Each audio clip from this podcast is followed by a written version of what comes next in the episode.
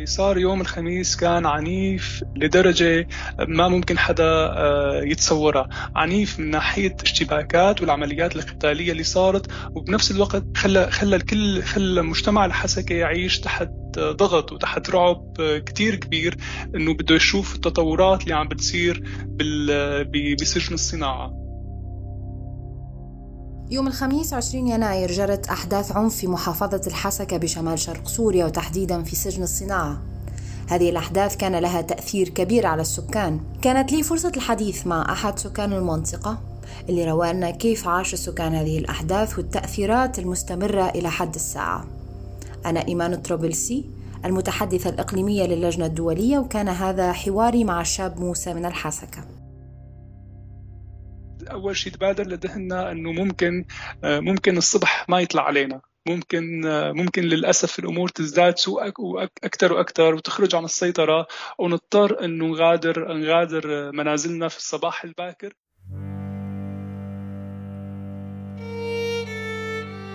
لحظة كتير صعبة لما أنت تودعي البيت. يعني عم بتودعي ذكرياتك عم بتودعي أغراضك الشخصية عم بتودعي نفسك. ما أنت ما أنت جزء من هالبيت ربيتي بهالبيت. فأنت عم بتودعي نفسك لأنك ما بتعرفي إذا رح ترجعي لهالبيت أو لا.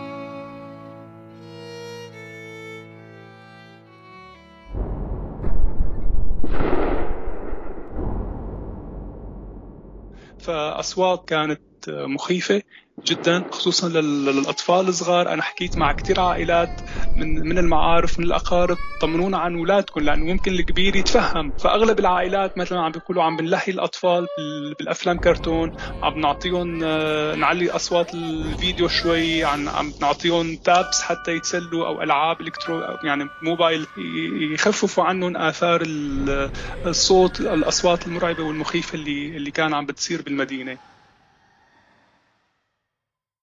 كثير من العائلات وخصوصا العائلات القريبة من من مناطق العمليات القتالية اللي صارت بالحزكة اضطرت إنه تغادر منازلها. آه تم هالشيء يوم الجمعة صباحا من الصباح الباكر. آه شفت كثير من الناس هايمين على وجوههم عم بيمشوا بالطرقات بدون أي وجهة بدون أي مكان. آه, آه، يلجأوا له فقط آه،, آه شفت ناس قاعدين على الرصيف شفت ناس بالحدائق. وللأسف كان بوقتها درجات الحرارة الحرارة منخفضة جدا صقيع بكل المحافظة. فبتشوفي العالم طالعة يا دوب لابسة جاكيت الأطفال يا دوب لابسين جاكيتات مع كل حدا من أفراد العائلة معه كيس صغير. يعني حتى مو قادرين ما كانوا قادرين ياخذوا آه، حاجاتهم أو أو ملابسهم أو أغراضهم. طالعين بأقل أو بأصغر آه، أغراض أو حاجات شخصية معهم. كثير ناس من من اللي تركت بيوتها حتى لو كان عندها أقارب آه، ساكنين بمناطق أكثر امانا إلا أنه إنك تروحي لعند ناس آه، أوضاعهم الاقتصادية منا كثير آه، منا كثير مرتاحة ويا دوب هن عم قادرين يأمنوا احتياجاتهم الرئيسية. فهون الناس كمان لاقوا صعوبة كثير كبيرة يعني إنه إنه يلجأوا لأقاربهم أو لأهاليهم اللي ساكنين بالمناطق الآمنة.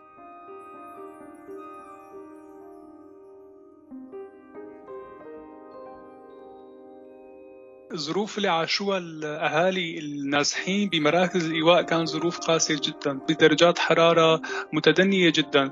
فكل الخدمات اللي قدمت لها حتى لو كانت خدمات أساسية من طعام من غذاء من من من أغطية إلا أنها ما كانت كافية حتى آه، توقيهم برد الشتاء والصقيع وصقيع الجو.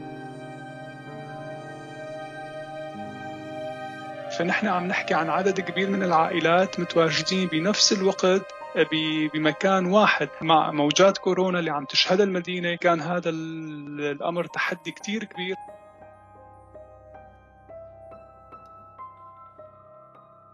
إذا بتشوفي وجوه الناس بتشوفي عليها كم هائل من التعب من الإرهاق وكثير من الأحيان من اليأس.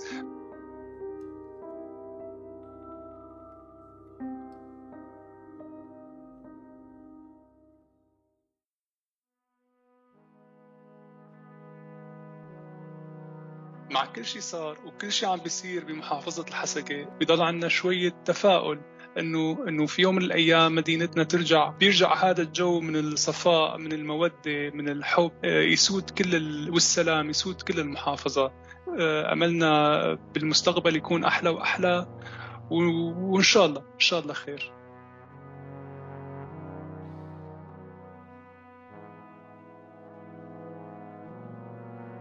هذا البودكاست من إنتاج المركز الإعلامي الإقليمي للجنة الدولية للصليب الأحمر. للتعرف على عملنا في سوريا والبلاد الأخرى تابعوا صفحاتنا على فيسبوك وإنستغرام وتويتر ويوتيوب. وزوروا موقعنا icrc.org/ar نشكركم على حسن الاستماع.